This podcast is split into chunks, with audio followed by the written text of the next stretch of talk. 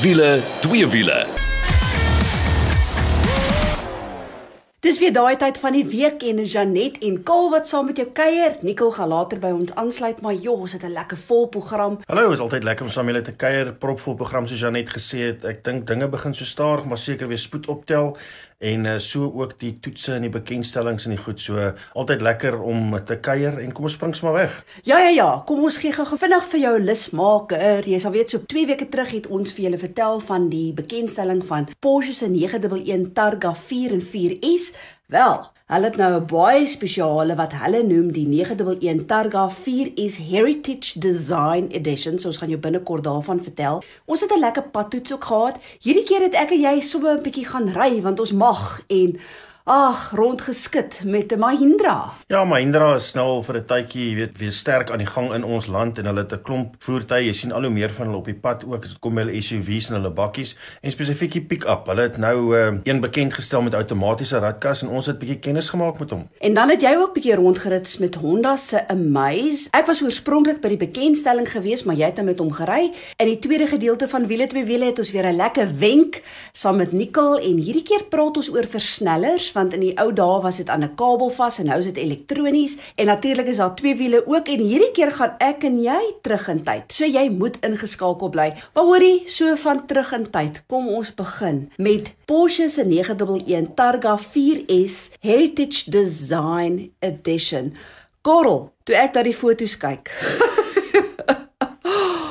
Man, behalwe dat die rooi, dit is die hierdie mooi pragtige Hulle noem dit red metallic, maar dit laat my amper dink aan hierdie candy apple rooi.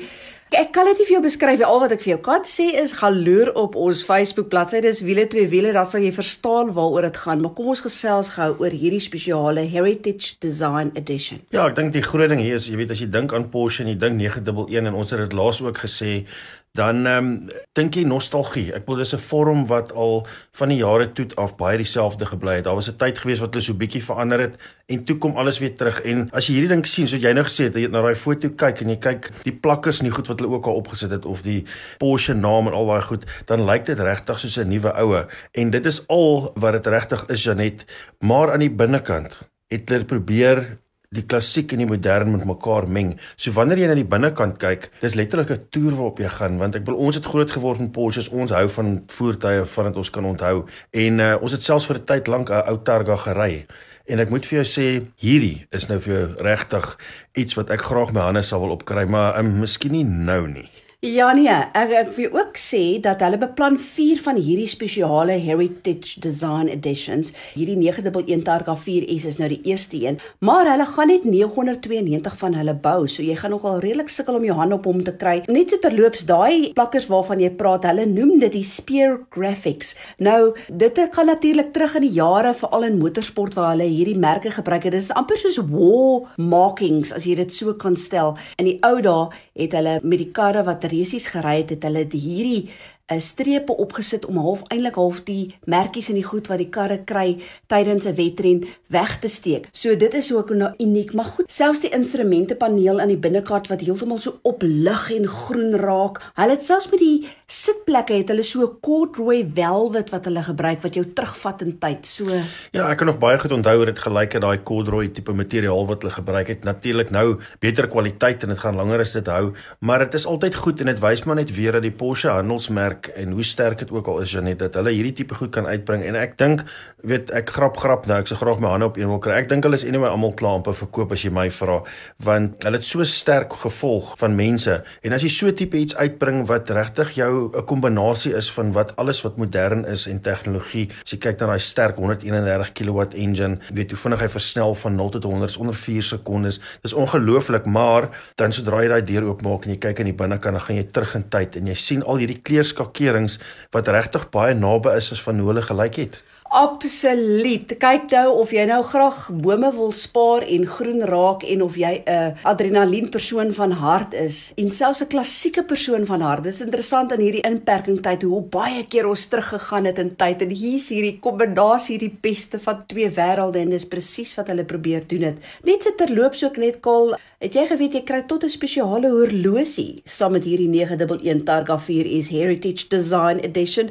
Ek bedoel die wysertjies basies is dieselfde as die instrumentepaneel of die kloks En uh ja, dit is regtig gaan loer net op Facebook. Dit is wiele twee wiele en dan gaan die fotos en 'n video greep daar vir jou pronk. Dit is regtig ongelooflik.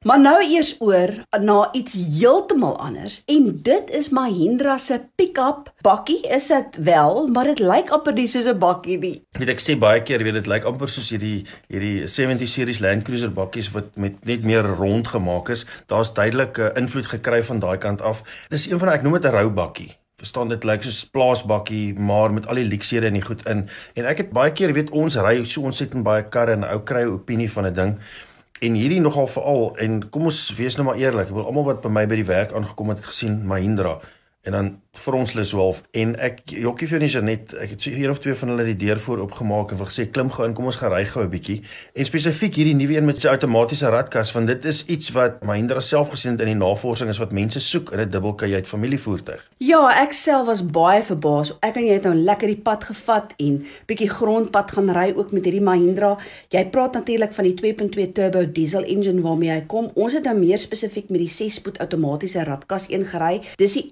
S11 Jy kry hom van die S6 af wat 'n 4x2 dubbelkajuit is en dan lan hardloop hy reg op na die die, die SL wat die outomaties is.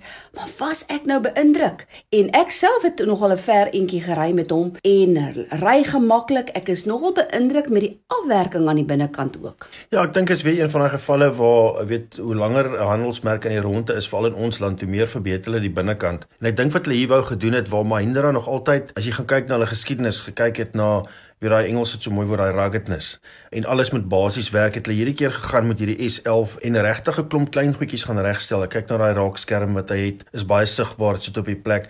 Moenie 'n fout maak as jy binne sit, weet jy nog steeds is in 'n bakkie. Die instrumentepaneel, die manier hoe hy afgewerk het, is ek dink gemaak vir hierdie ding moet hou. Hy moet definitief hou. Ja, die ry was ook baie lekker. Daai 6-spoed outomatiese radkas, soos ek sê, dis nou die eerste een wat hulle uitgebring het hierdie S11 met dit.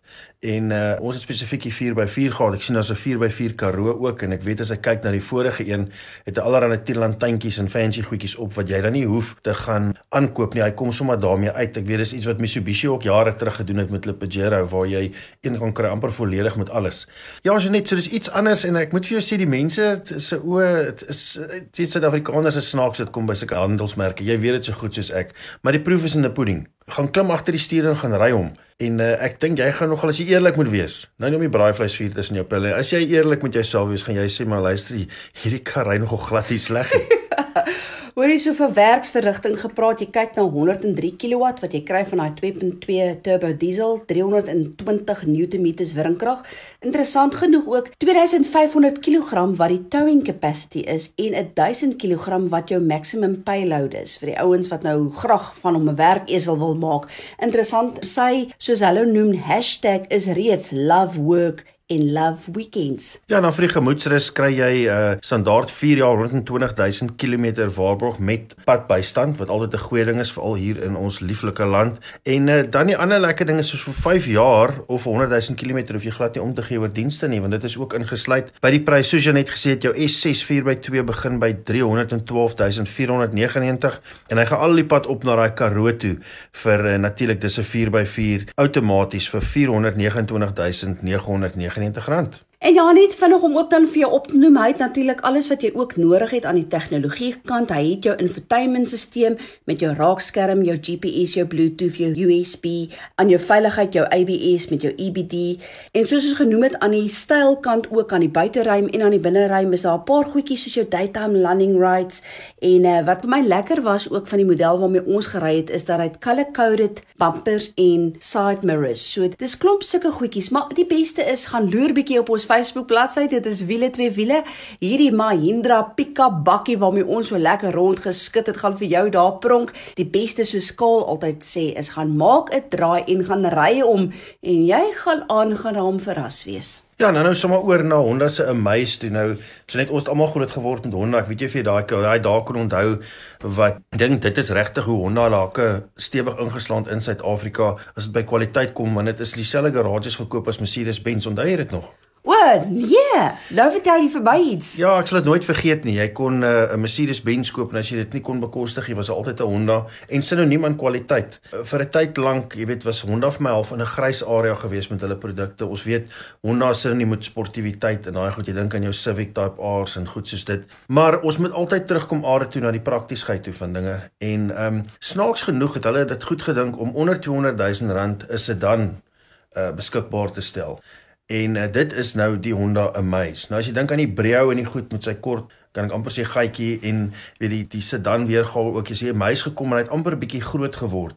Nou as jy iets soek wat wat regtig betroubaar is, wat baie spasie en goed het wat prakties is. is ek dink dis wat hierdie kar skree. Baie mense het gevra ja, maar is dit amazing soos die naam sê amaze of is dit tipies Honda? Hy doen alles reg. Hy voel kwaliteit, weet die afwerking, hoe hy aan die buitekant lyk. Ek moet vir jou sê ja, ek het gemaklik gevoel. Daar's min goed in die binnekant wat my gewow het, maar alles het gewerk. Ja, die een ding wat my bietjie nie gehou het nie was daai um, en ek sal en dis 'n persoonlike ding, dis nie die kar se skuld nie. Is daai ligte bekleedsel aan die binnekant. Ek verstaan dit net glad nie. Ja nee, daar moet ek met jou saamstem. Ehm um, daar's nie aan die binnery met niks my gewel ook nie as jy dit so wil sê of ek niks het my geamaze nie. Maar dan moet mens na die prys kyk soos wat jy gesê het. Nou die Amaze is 'n 1.2 iVTEC engine. Jy kry hom in 'n Trend en 'n Comfort. Nou die Trend is 'n 5-spoed handrat en hy kos 190700. Dan kry jy die 1.2 Comfort wat ook 'n handrat is vir 214000, dan die 1.2 Comfort CVT vir 230500. So ja, op die outere moet jy na die prys kyk want jy kan ook nou nie die beste afwerking aan die binneruim verwag vir daai tipe prys nie. Maar goed, op die outere kyk jy nog steeds na 66 kW 110 Nm wringkrag En ja, hy het 'n maksimum spoed van 160 km/h. Bakal, jy het nou die meeste tyd met hierdie Honda aan my spandeer. Sê jy gou vir my, hoe voel hierdie enjinkie? Ek moet vir jou sê, ek maak 'n punt van as ek karre kry om nie dadelik na die prys of na die enjin grootte en goed te kyk nie. Die rede daarvoor is is sodat ek my eie idee kan vorm en wanneer ek sien, "Hey, dis wat die kar kos," is ek of verras of ek dink julle is mal, niemand sal dit ooit betaal nie. Dis maar net om dit alles in perspektief te hou. Maar daai uh, VTEC tegnologie wat hulle het is baie goed, selfs met so 'n klein enjin wat dit doen is jou valve timing goed word heeltyd verander. Hulle praat van op 'n intelligente manier. So onderlangs het jy lekker krag en en en bolangs ook. Jy weet so hy hy gee jou baie meer soos die ouens sê torque onder as wat jy uit 'n 1.2 uit moet kry. So dit maak dit baie lekker om te ry in die dorp en goed. Die ekstra bagasie spasie agter in die kattebak is ook 'n goeie ding. Jy kan ontsettend baie goed daarin pak. En wie wat dit sal eintlik 'n familiemotor ook kan wees vir die langpad Janet. Ek was soos ek sê aangenaam verras. Daai enjintjie doen sy ding is 110 Newtonmeters windkrag. Jy klaag 66 kW.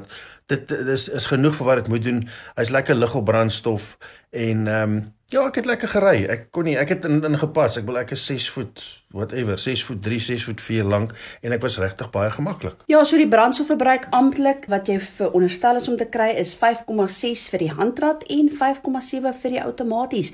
So dit is wat Honda se Amaze betref. Gaan loer bietjie ook op ons Facebook bladsy, dan gaan hierdie Honda Amaze dan ook vir jou loer. Ons gaan nou vinnig asem skep en dan is dit weer tyd vir 'n lekker wenk oor versnellers. In die ou dae was dit aan 'n kabel vas, nou is dit elektronies en dan gaan ek en Kil bietjie terug in tyd om te hoor waar het ek my ridder op die two-stroke ontmoet. maar ons is nou weer terug.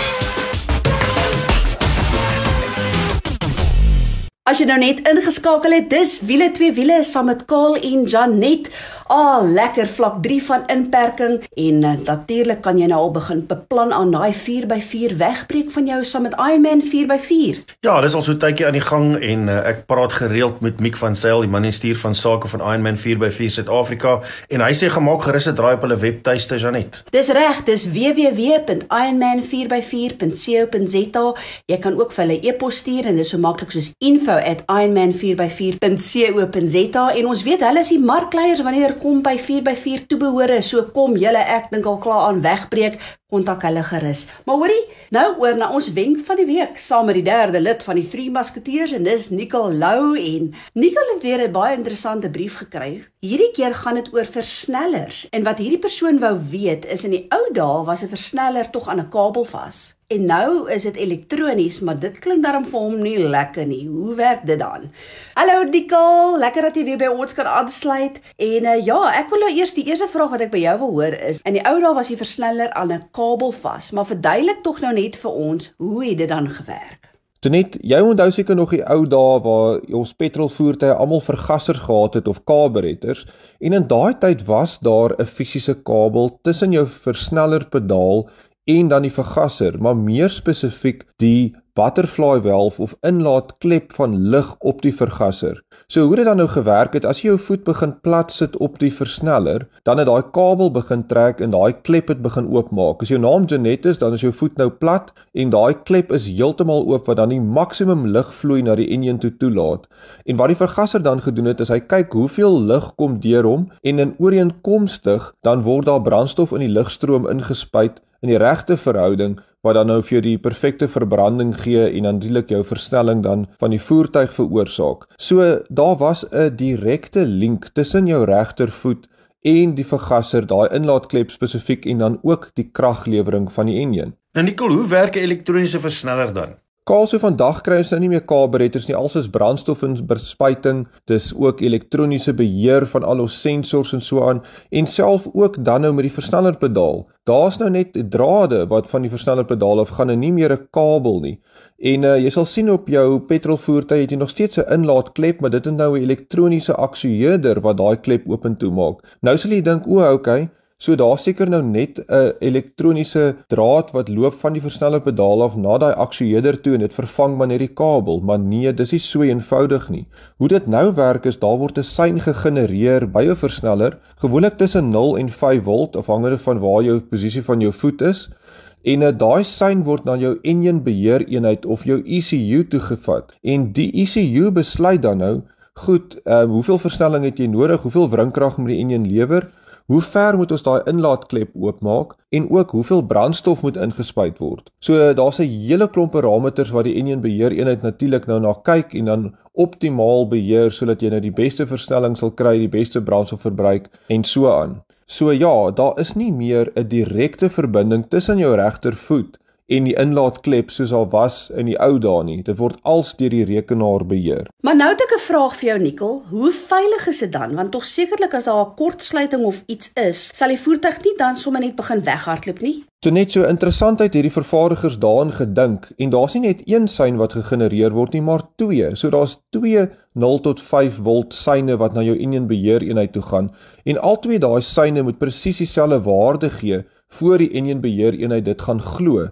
So sê nou maar daar is 'n kortsluiting op een van daai bane, dan gaan die enjin beheer eenheid sê nee, ek kan nie hierdie seine vertrou nie. Ons gaan eerder die enjin terugvat na leierspoed toe. So die kans dat iets verkeerd gaan gaan is baie skraal. Ek wil amper sê die kans dat 'n fisiese kabel in die ou tyd vasgehak het was amper groter as wat daar 'n elektroniese fout kon deurkom.